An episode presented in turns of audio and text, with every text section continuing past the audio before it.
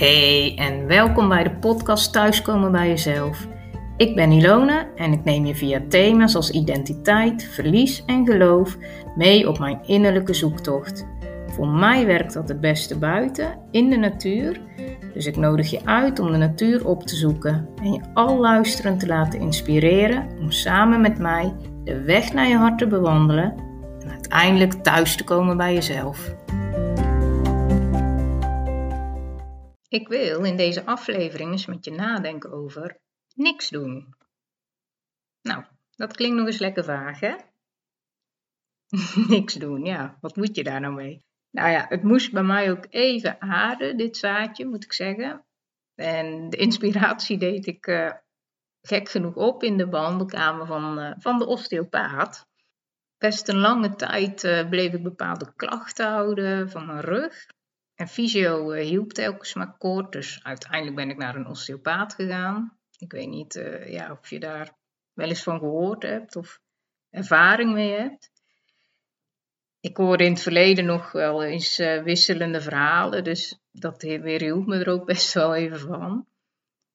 Goed, uiteindelijk dacht ik, joh, ik moet het toch zelf ervaren.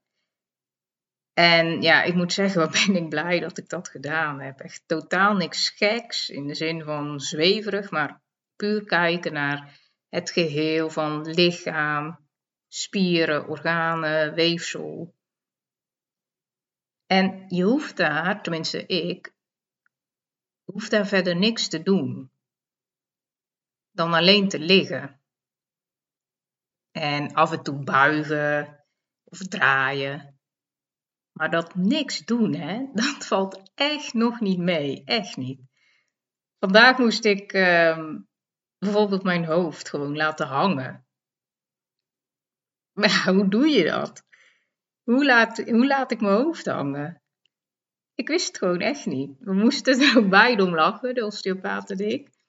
En toen zei uh, de osteopaat iets, uh, of de osteopaat iets, ja, waar, waar mijn radertjes van gingen draaien. Dus ja, dan ben ik alsnog niks aan, of hè, niet niks aan het doen.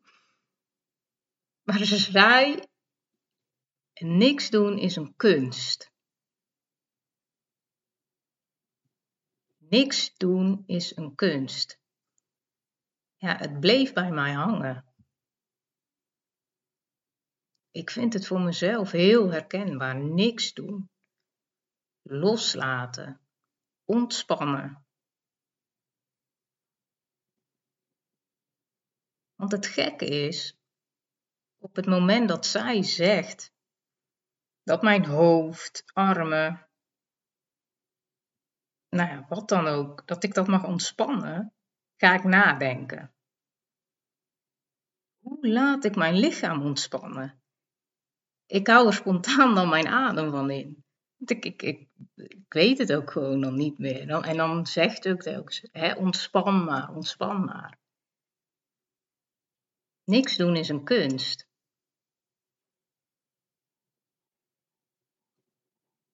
Hoe zit dat bij jou? Is het voor jou een kunst om niks te doen? Of beheers jij die kunst misschien heel goed? Kun jij juist heel goed niks doen? Ik kwam pas een uh, vriendin van vroeger tegen. En zij had toevallig uh, mijn moeder weer gesproken. En zoals je misschien weet van, nou, van de allereerste aflevering, bestond mijn leven vroeger eh, echt uit voetbal. En met een aantal meiden van de voetbal was ik echt altijd samen. Niet alleen tijdens het trainen of tijdens de voetbalwedstrijd, maar ja, ook eromheen. Hele zaterdagmiddagen hingen we bij elkaar, zaterdagavonden. En in de vakantie was de ene na de andere logeerpartij. Ja, en onze ouders vonden het allemaal prima. Ze hadden echt geen omkijken naar ons. Want we konden ons vermaken met niks. Ik moest hard lachen, want mijn moeder wist zelfs nog tegen die vriendin van mij te zeggen dat we een denkbeeldig vriendje hadden. En dat we die altijd wel een keer ergens terug lieten komen. Ja, je hoort het echt goed. En nee, we waren toen geen vier meer. Maar het was gewoon omdat we super veel lol om hadden. Lol met niks en ja, lol om niks. Lol die echt verder ook niemand anders snapte. En ik denk dat we toen ja, beter door hadden. En onze ouders misschien ook. Dat dat niks doen, dat dat echt een kunst is. Wat is toch eigenlijk jammer, hè? Dat je dat. Ehm, ja, of dat dat door de tijd heen verdwijnt. Dat je tijd hebt waarin niks gebeurt. En daardoor juist creatiefste, grappigste dingen in je naar boven komen.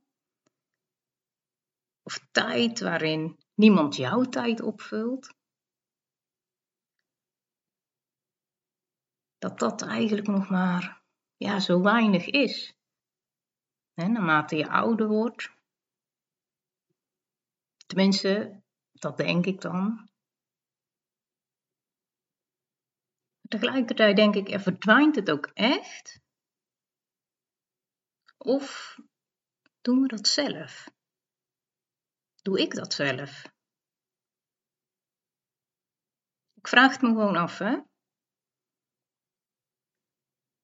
Want gun ik mezelf nog tijd om even niks te doen? En dan kun je denken, maar ja, wat is dat niks doen dan? Of wat is dat niks? Een beetje voor je uitstaren of zo. Ja, word je daar dan zo happy van? Nou, even tussen ons, hè. Ik, heel soms doe ik dat nog wel eens. En het is best grappig wat er dan gebeurt. Maar goed, dat laat ik verder uh, even open. En nee, ik kan me echt voorstellen dat je daar echt helemaal niks bij voor kunt stellen. En dat je alleen bij de gedachte al echt in een kramp schiet of hard in de lach. En dan moeten we niet, nou ja, dat lachen mag wel, maar die kramp uh, moeten we niet hebben natuurlijk.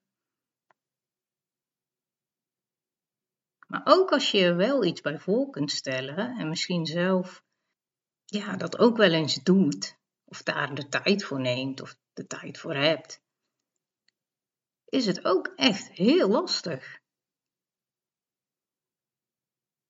Want ik heb het al vaker gezegd, maar sta je eens bij, uh, sta je er wel eens bij stil hoeveel prikkels we om ons heen hebben?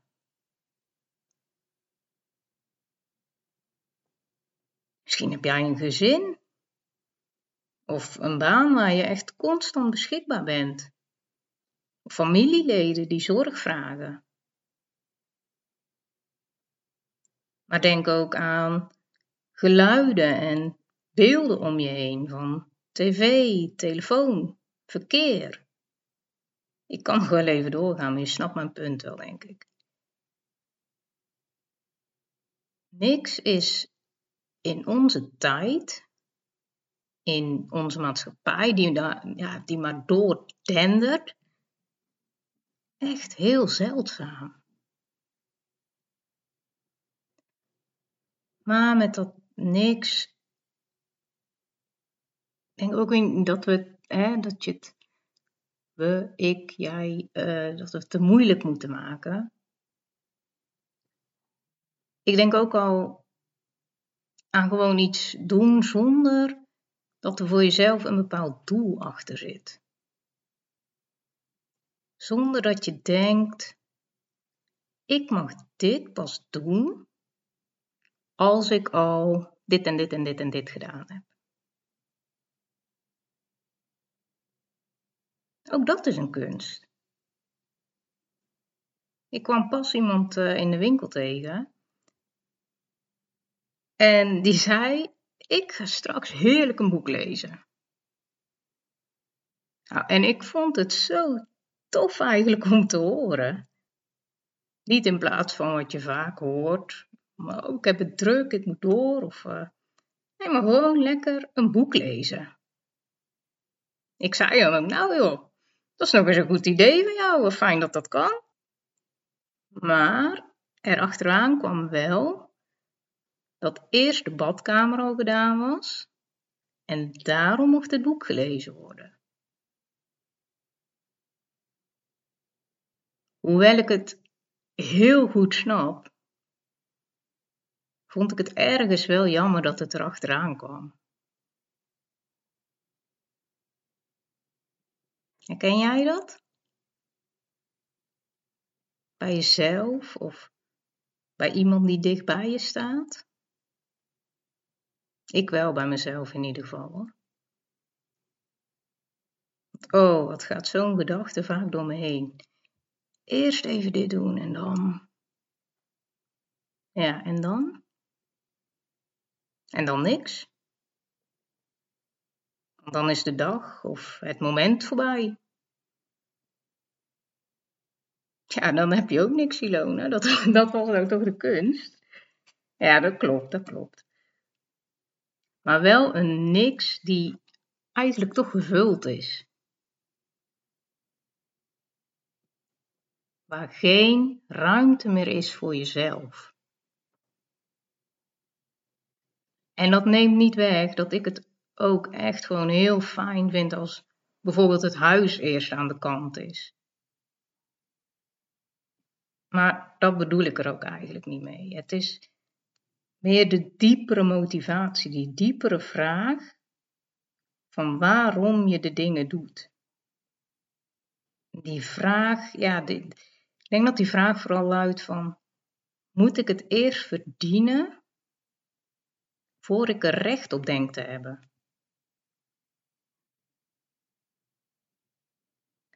Een vraag voor mezelf uh, om in ieder geval mee te nemen. En misschien voor jou ook een mooie vraag. Hoe komt het toch dat we dat niks, een soort van niet ingevulde tijd, zo op willen vullen, zo in willen vullen? Denk, ja, de generaties van nu lopen er nog meer tegenaan. Zij kennen bijvoorbeeld de tijd niet meer dat er echt niks was. Dat er niks op tv was, bijvoorbeeld. En ja, het is wel echt, uh, zeker bij kinderen, dat wanneer er niks is, een soort van, uh, ja, loze tijd in de speeltijd, zeg maar, dat, dat die fantasie extra geprikkeld kan worden. En die fantasie, dat is weer zo belangrijk om de wereld om je heen te gaan, te gaan ontdekken.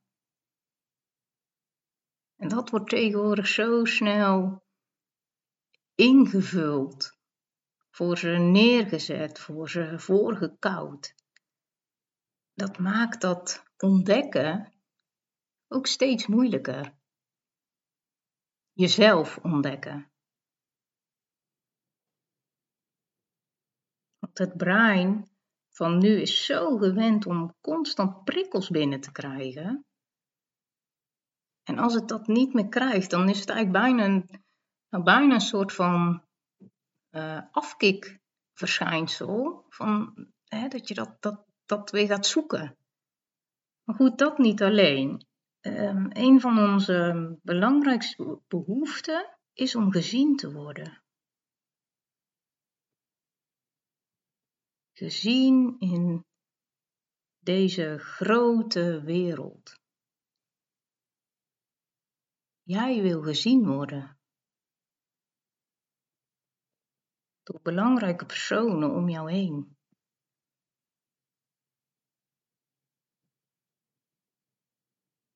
Dat je door die mensen bevestigd wordt in je bestaan. Wij willen bevestigd worden door de mensen om ons heen. En de belangrijkste personen zijn in eerste instantie met name ouders en opvoeders. Want bij jouw ouders ontstaat jouw geboorterecht. Het recht om te bestaan in deze wereld. Echt puur omdat je geboren bent. Als jij om wat voor reden dan ook niet de bevestiging krijgt dat jij gewoon recht hebt om er te zijn, doordat je geboren bent, ga je alleen maar harder je best doen om te bewijzen dat jouw bestaan ertoe doet. Dan is er geen ruimte om te denken van, ja, wat zou ik nou eigenlijk willen? Of vind ik dat eigenlijk wel fijn? Want dan draait het vooral om de ander. Wat wil de ander? Wat wil de ander dat ik doe of zeg, waardoor de ander mij ziet, waardoor ik door de ander word gezien? Is dit herkenbaar voor jou? Voel jij je bevestigd in je bestaan?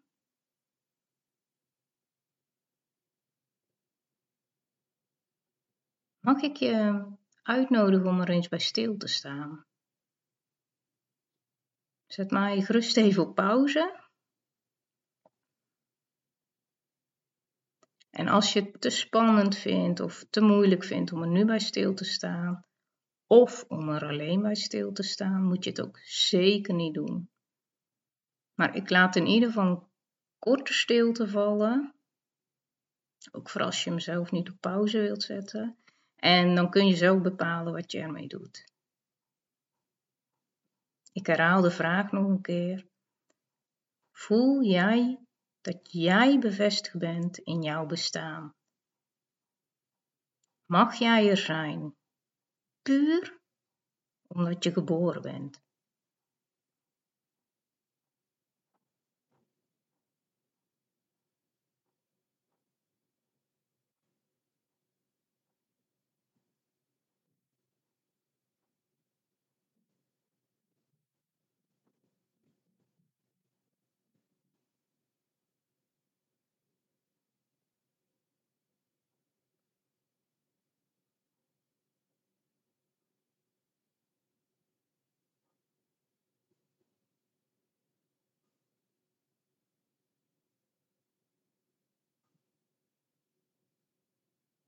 Ik begin rustig weer te praten, dus dan weet je dat. Ik ben natuurlijk heel benieuwd wat het bij jou heeft ja, opgeroepen. Voel je ook altijd vrij om dat uh, met mij te delen. Wat ik al zeg, vrij, dus je hoeft er ook niks mee. Het mag, want het is van jou.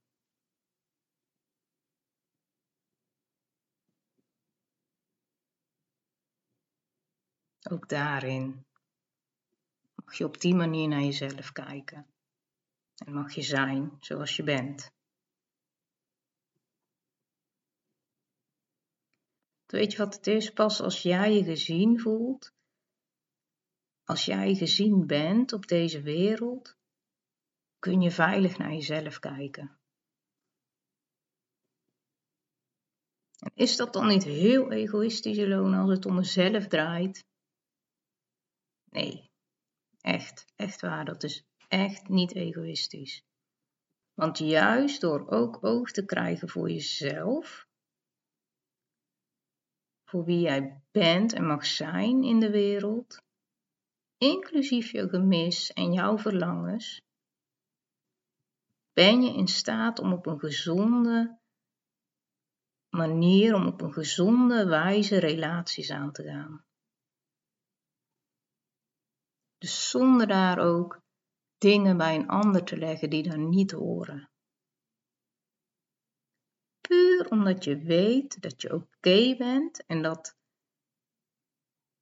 die oké niet afhangt van wat een ander zegt of doet of van wat jij wel of niet doet.